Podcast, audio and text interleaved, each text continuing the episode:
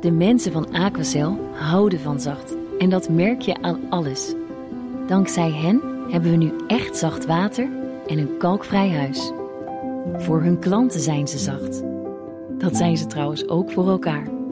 Voor ons zijn zij de kracht van zacht. Aquacel. 100% zacht water, 100% kalkvrij. De BNR Techniek Tour wordt mede mogelijk gemaakt door Techniek Nederland. De makers van morgen. BNR Nieuwsradio.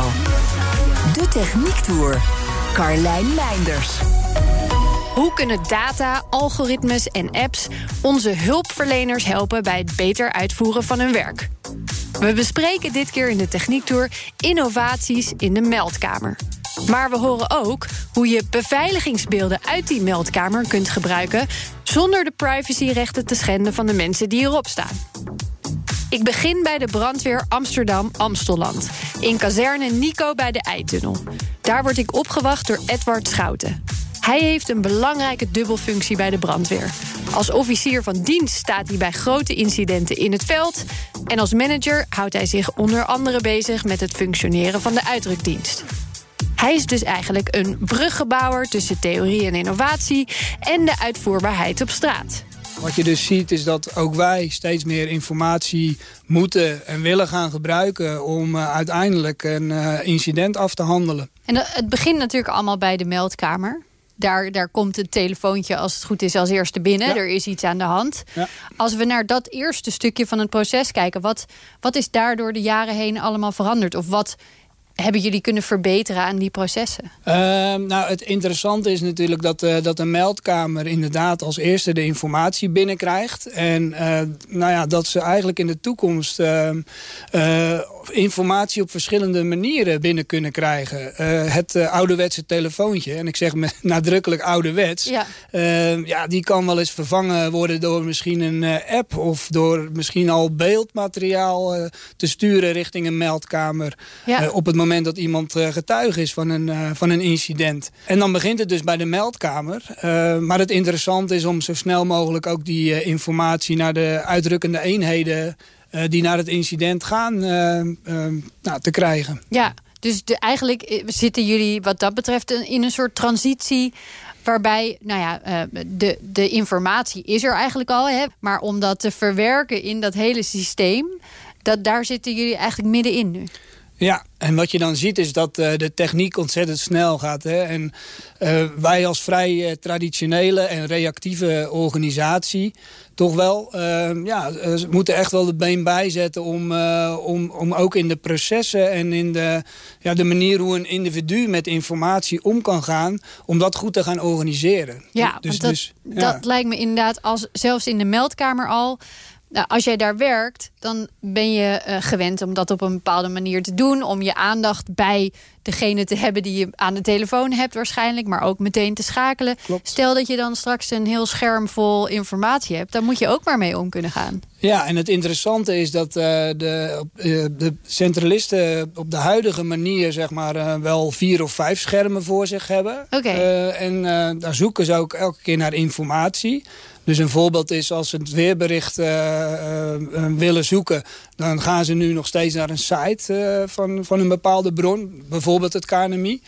Um, en wij zijn steeds meer uh, bezig om dat te integreren in één interface. Dus in één scherm. Zodat je niet heel het heen en weer hoeft te kijken uh, nou, naar verschillende soorten schermen. Dus eigenlijk wordt het misschien wel makkelijker. Het wordt, als het goed is, makkelijker. Ja.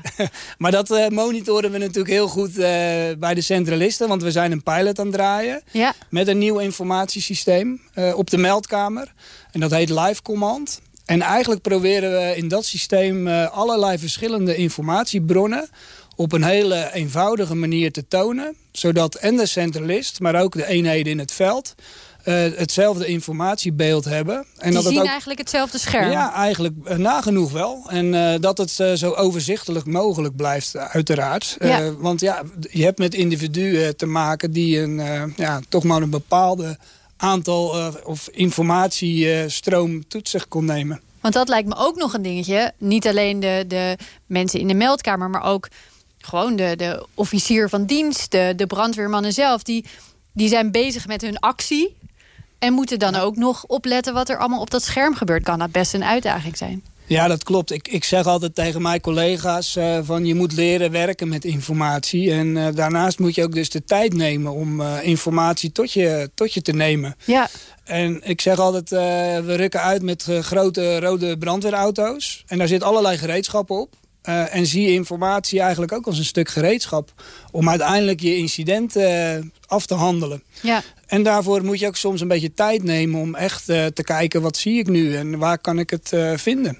Wat in de nieuwe situatie in ieder geval zo moet zijn... is dat de juiste informatie bij de juiste persoon terechtkomt. En dat de meldkamer en de diensten in het veld evenveel informatie hebben. Heeft Schouten zelf eigenlijk al met het systeem gewerkt? Ja, ik probeer natuurlijk zelf dingen uit... omdat ik uh, heel dicht uh, letterlijk bij het vuur zit van, van deze innovatie. Ja. Wat ik wel zie is dat je als individu... dus je loopt tegen een maximum aan wat je kunt. Uh, ik heb bijvoorbeeld een keertje bij een gaslekkage gestaan... hier in Amsterdam.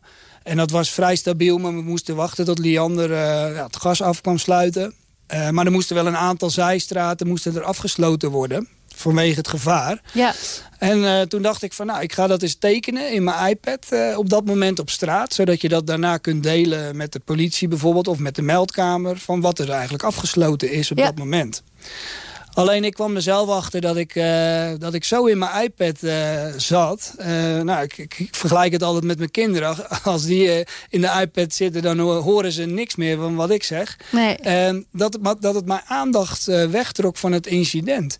Ja. Dus eigenlijk um, kwam ik er wel achter dat door de nieuwe technieken, door de hoeveelheid aan informatie dat ik als individu eigenlijk aan het maximale zit wat ik aan kan. Dat is een hele belangrijke les. Ja, dus, dus mijn overtuiging is ook dat we in de toekomst... Uh, dat onze organisatievorm daardoor onder druk komt te staan. Dus um, ja, je zult uh, moeten gaan nadenken hoe je, hoe je wilt gaan regelen... dat je de informatie die beschikbaar is maximaal in kunt zetten. Ja. Soort, uh, alsof je één, één persoon moet hebben als soort digitale assistent of zo. Ja, ja, een soort informatiemanager. Die kennen we nu al. Maar dat is eigenlijk, uh, komt die pas naar voren in de opschaling. En daar bedoel ik mee dat als het grotere incidenten betreft... dan gaan wij eigenlijk iemand inzetten die, uh, nou, die zich met informatie bezig gaat houden. Ja. Maar het is ook al voor uh, kleine incidenten uh, interessant om, uh, om zo iemand misschien in te zetten. Even wat dieper dat systeem in met collega bij de brandweer Jan van der Poel. Hij heeft het live command scherm meegenomen waarop alle informatie samenkomt. We kijken nu naar een, uh, een luchtfoto. Ja. En op deze luchtfoto uh, zie je een aantal uh, gebouwen op 3D. En deze 3D is uh, tot stand gekomen uit het uh, actueel uh, hoogtebestand Nederland, de AHN. En daardoor nou, zien we ook duidelijke hoogte in de gebouwen. Oh, we zoomen even in. Ah, je kan best wel veel details zien hierop, hè? Absoluut. Ja, je ziet hier echt al uh, de details uh, van, nou ja, uh, waar dus schuine daken of verdiepingen zitten van het ja. gebouw. Als je dit aan het bouwen bent, wat is dan wat is het moeilijkst om voor elkaar te krijgen? Nou, wat het moeilijkste is om voor elkaar te krijgen, is dat het heel overzichtelijk blijft voor de centralist. Je wilt natuurlijk dat zo'n systeem het werk in de meldkamer makkelijker en niet moeilijker maakt. En dus moet het heel, heel overzichtelijk zijn. Want je ziet niet alleen een 3D-kaart van de omgeving. Er komt nog veel meer informatie bij elkaar. Aan de rechterkant zien we bovenin bijvoorbeeld het weer. En daar kunnen we het weer van de komende uren tot 24 uur vooruit inzichtelijk uh, zien. Ja. Daaronder zien we ook de cyclomedia beelden. En dat zijn beelden voor ons die maximaal een jaar oud zijn. En daarmee kunnen we heel goed een beeld vormen voor de centralist... hoe een gebouw er daadwerkelijk uitziet. Zijn dit echt satellietbeelden? Dit zijn uh, beelden die door rijdende auto's uh, zijn Ja, die gemaakt. linker zie ik en die rechter. En de rechter zijn inderdaad uh, nou ja, eigenlijk ingevlogen beelden door vliegtuigen. Dus geen Oké. satellietbeelden. En worden die speciaal hiervoor gemaakt? Of is er een soort open database voor dat soort dingen? De luchtfoto is als open data beschikbaar. Volgens mij uit mijn hoofd tot uh, 7,5 centimeter. Dus best met heel Zo. veel uh, detailinfo. Ja. Uh, wat betreft de Street View beelden, nou ja, die zijn via Google beschikbaar. Alleen die zijn vaak wat verouderd. Dus vier, vijf jaar oud. Ja, dus je wil dit altijd naast elkaar hebben eigenlijk. Precies. wij willen altijd nou ja, de nieuwste beelden hebben, zeg maar, om zo'n juist mogelijke beeldvorming te kunnen doen. Ja.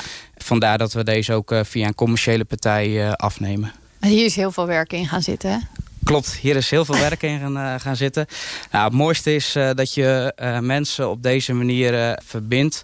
met de fysieke en digitale wereld naar elkaar toe. Ja, zijn er voor jou zelf nog dingen waarvan je denkt...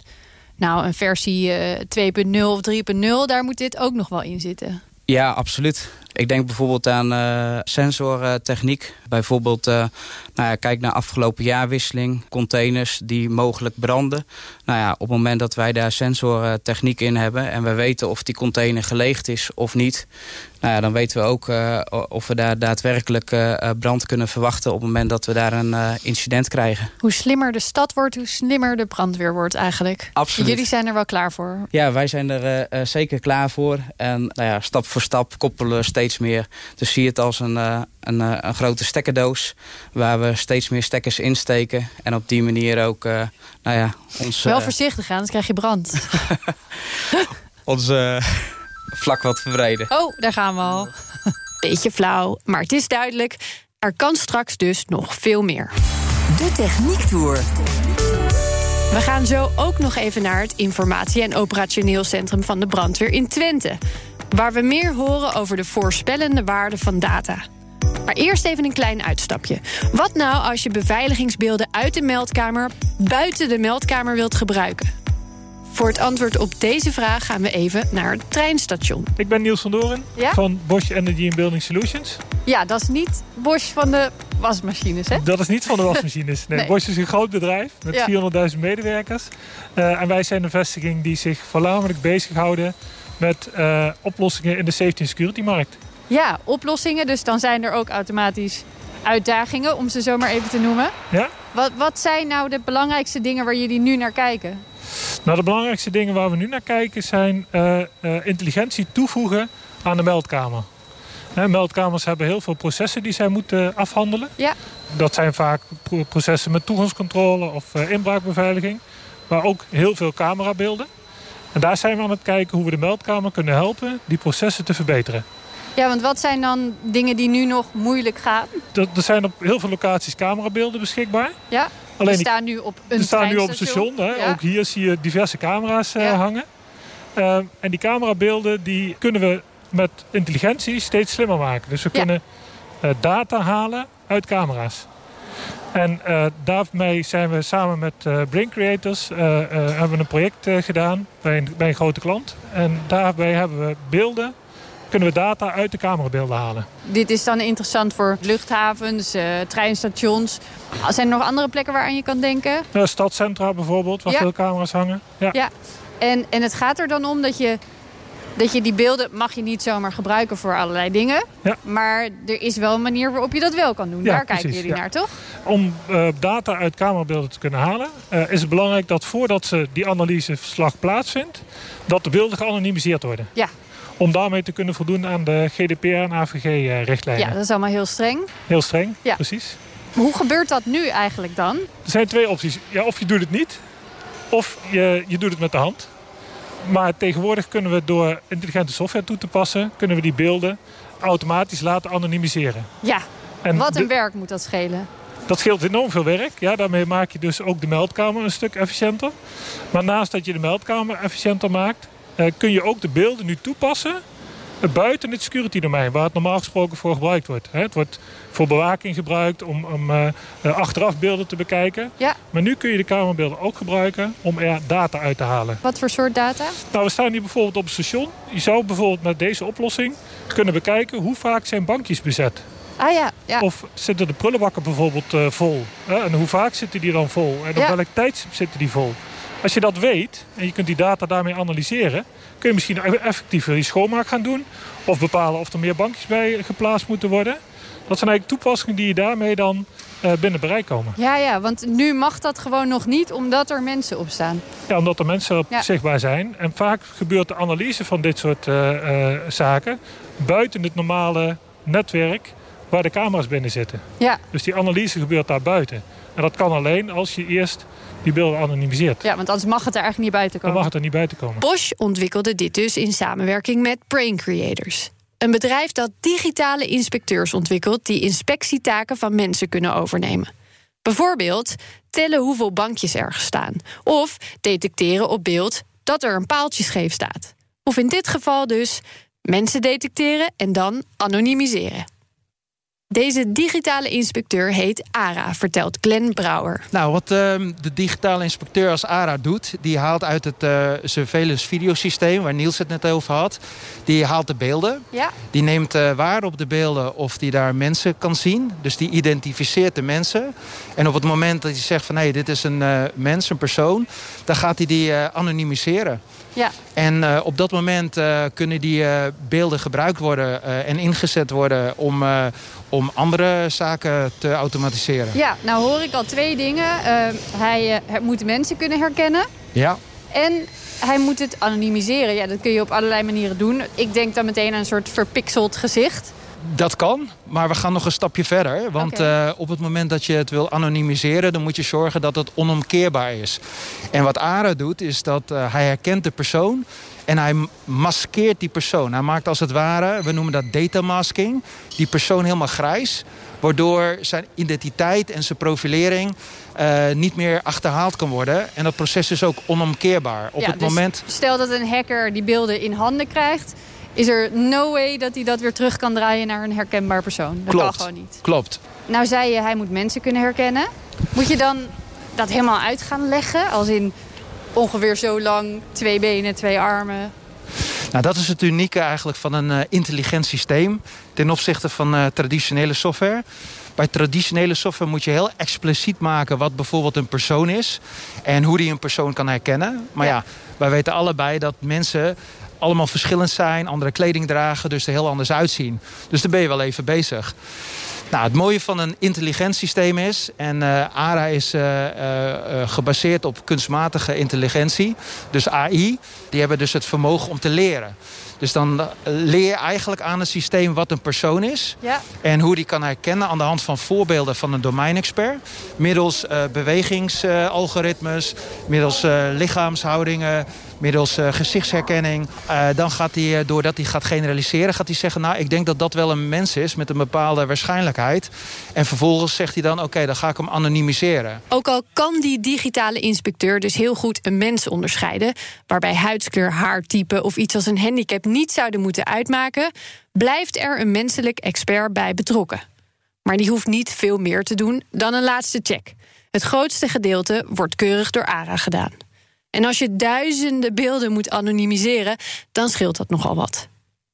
Wat ik me nog afvraag, zou zo'n digitale inspecteur ook niet heel goed werken voor het controleren van bijvoorbeeld de conditie van onze wegen? Ja, zeer zeker. Wij hebben al een uh, digitale inspecteur, die heet Inspeg. Ja? En die hebben we dan met een uh, andere domeinpartner gemaakt, met uh, Unihoorn. Dat zijn de weginspecteurs. Die hebben de domeinkennis getransfereerd naar de Digital Inspector. En daarmee kunnen wij nu een scan inlezen van een weg. En uh, als dat 200 kilometer weg is, kunnen we binnen enkele uh, dagen kan je een rapport hebben van wat de schade is van de weg. Oké, okay. hoe, hoe gebeurde dat eerst dan? Handmatig. En dan gingen ze om de 5 meter gingen ze naar een foto kijken. Echt waar? En dan gingen ze aanbrengen wat de schades waren ten oh, opzichte wow. van de CROW-normering. Wat een werk, hè? En nu kan dat uh, geautomatiseerd plaatsvinden. En dan lijkt het me ook fijn dat je dan niet kan herkennen welke auto's er op de weg rijden. Dat klopt. Dat, dat kan is, dus uh, ook. dat is nu een, uh, een ontwikkeling die uh, gaande is... waarbij gevraagd wordt, kunnen we het anonimiseren? Ja. En dat gaat verder dan alleen maar een, een kentekenplaat blurren. Zoals we zeggen, dit is ook gewoon het kentekenplaat maskeren... of zelfs de gehele auto. Omdat je de personen in de auto ook niet meer wil laten zien. Waar ze nu samen met Bosch ook nog naar aan het kijken zijn... is of ze ook digitale inspecteurs kunnen trainen... om gedrag te herkennen op videobeelden. Bijvoorbeeld of er mensen in de trein lastig worden gevallen of er vandalisme wordt gepleegd. Daar moeten we het nog maar een andere keer over hebben. Want zoals ik al zei, de Techniektour maakt nog één stop in Twente. Want ook daar wordt met dit systeem getest en zien ze de waarde van data steeds groter worden. Joop Wessels, officier verbindingen en informatie, vertelt me er meer over. Data die we gebruiken, die komt natuurlijk uh, ergens weer terecht. En die kunnen wij uh, weer gaan inzetten om, uh, om onze organisatie eigenlijk efficiënter en beter te maken. Ja. En wij noemen dat het data warehouse. Um, eigenlijk is het dus een één groot warenhuis waarin alle data tezamen komt. En waarin de jongens van, van Business Intelligence, de BI-club, waar we nou bij op kantoor staan die kunnen daar eigenlijk alle informatie uithalen die op dat moment uh, nodig is. Ja, want, want dat kan ik me ook voorstellen. Superleuk om dat allemaal te verzamelen.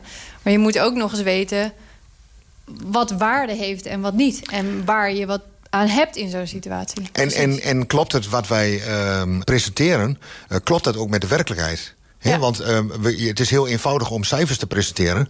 maar vervolgens moeten ze wel geïnterpreteerd kunnen worden. Nou, En vandaar dat wij binnen Brandweer Twente de hotlink hebben gelegd... Uh, tussen eh, de Club BI en de uitdrukdienst... zodat wij uh, ook de data die beschikbaar is... kunnen gaan ja, analyseren, veredelen... en vervolgens beschikbaar stellen aan mensen die, die niet met data werken... maar er wel mee moeten werken. Precies, dus je vertaalt het eigenlijk. Ik, ja, nou, ik ben een van, van, van de mensen die die, die, die vertaalslag doet. En, en mijn collega Paul die, uh, ja, dat is de specialist uh, samen met zijn team... om de data op een dusdanige manier uh, tevoorschijn te toveren. Ja, Paul zit verstopt achter een heleboel Ja, Paul is er. Paul, kom er even bij. Jullie maken de vertaalslag van al die data naar iets... waar brandweermannen en vrouwen wat aan hebben... Uh, Dat lijkt me heel moeilijk. Het, het is vooral een, een, een, samenwerking natuurlijk. Hè? Dus uh, samen met de gebruikers uh, kijken van ja, wat, wat heeft waarde en hoe kun je dat het beste inzetten. Ja. We kijken heel erg van nou, wat er is in het verleden gebeurd. wat kunnen we daarvan leren voor de toekomst. Nou, we hebben bijvoorbeeld ook een, een, een dashboard om onze hele zeg maar, gezondheid van onze kazernes in beeld te brengen. Dus dat is eigenlijk hè, belangrijk, nog, ja. Ja, belangrijk voor de brandweer is natuurlijk dat we paraat staan. Hè? Dat we altijd als er iets is, dat we dan beschikbaar zijn. Betekent dat ook brandweerauto 6 kun je beter niet gebruiken... tenzij er niks anders meer staat? Zoiets? Uh, nou, dat, dat niet helemaal.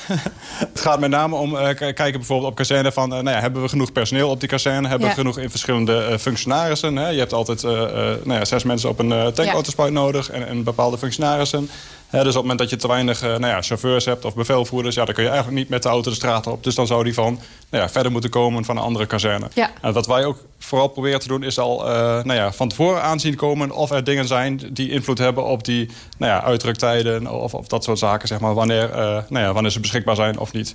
Ja. en dan gaat het ook over nou ja, de vakbekwaamheid van de kazernes. Hè. Dus, dus heeft iedereen zijn oefeningen gedaan? Heeft iedereen zijn keuringen gehad? zijn er niet te veel mensen die uitgevallen zijn? Uh, nou ja, dan krijg je nu met corona natuurlijk weer een extra uh, uh, dingetje. Ja. nou ja, zijn er niet te veel mensen die in quarantaine zitten bijvoorbeeld. Dus dat zijn allemaal dingen die we eigenlijk continu monitoren... om te zien van, nou ja, is onze organisatie nog steeds paraat... om uit te drukken op het moment dat dat nodig is. Ja, en, en de, bijvoorbeeld informatie over voorgaande incidenten... en wat dat kan helpen bij een nieuw incident... dat hoort daar ook allemaal nog bij. Ja, dat hoort ook bij. Wij zijn ook verplicht om een brandweerrisicoprofiel te maken... dat wordt ook aan ons bestuur voorgelegd. En eigenlijk maken we dat ook op basis van historische cijfers. Dus, dus op welke gebieden is de kans het grootst dat er iets gebeurt. En daar, op basis daarvan kijken we ook van nou ja, waar zijn onze kazernes gepositioneerd. Hoe snel zijn we op bepaalde plekken. En daar komen dan bijvoorbeeld een aantal aandachtsgebieden uit... waar we eventueel iets later zouden zijn. En waar nog wel in het verleden bijvoorbeeld incidenten zijn geweest. Of dat de kans er is dat er uh, nou ja, iets gebeurt op basis van cijfers uit het verleden. Jeetje, je moet volgens mij echt zo ziek georganiseerd zijn om dit dit overzicht te houden überhaupt. Al die gegevens en dan er iets van maken waar iedereen wat aan heeft. Ja, nou, het, het, het, mooie is dat er mensen zijn die dat leuk vinden. Zoals jij. Van, uh, ja, onder andere. Uh, en natuurlijk een, een, een, heleboel andere mensen in ons, in ons team, zeg maar. Om inderdaad van die hele brei aan informatie... of eigenlijk die hele brei aan data, om daar informatie van te maken. Dat ja. is eigenlijk het belangrijkste. We hebben heel veel gegevens van heel veel verschillende plekken. Van al onze voertuigen, kazernes, al dat soort dingen. en om daar zeg maar, de juiste informatie van te maken... die op het juiste moment beschikbaar is. Nou, dat is eigenlijk de ja, een hele grote puzzel waar wij uh, eigenlijk altijd aan werken. Het gaat bij de brandweer- en meldkamers dus van reactief, dankzij data en analyse, steeds meer richting preventie en voorspellen. Voorspellen waar het misgaat, hoeveel mensen er klaar moeten staan voor een storm die lijkt op een storm van tien jaar geleden. Overzicht hebben van het incident, de vluchtwegen, het weer, de wagen, de beelden. Een wereld van verschil met vroeger. En daarmee zijn we aan het einde gekomen van deze aflevering van de Techniek Tour. Volgende week gaan we aan boord van het grootste werkschip ter wereld. De BNR Techniek Tour wordt mede mogelijk gemaakt door Wijtechniek. Wijtechniek. Samenwerken aan jouw ontwikkeling. De mensen van Aquacel houden van zacht. En dat merk je aan alles. Dankzij hen hebben we nu echt zacht water en een kalkvrij huis. Voor hun klanten zijn ze zacht. Dat zijn ze trouwens ook voor elkaar. Voor ons zijn zij de kracht van zacht. Aquacel. 100% zacht water, 100% kalkvrij.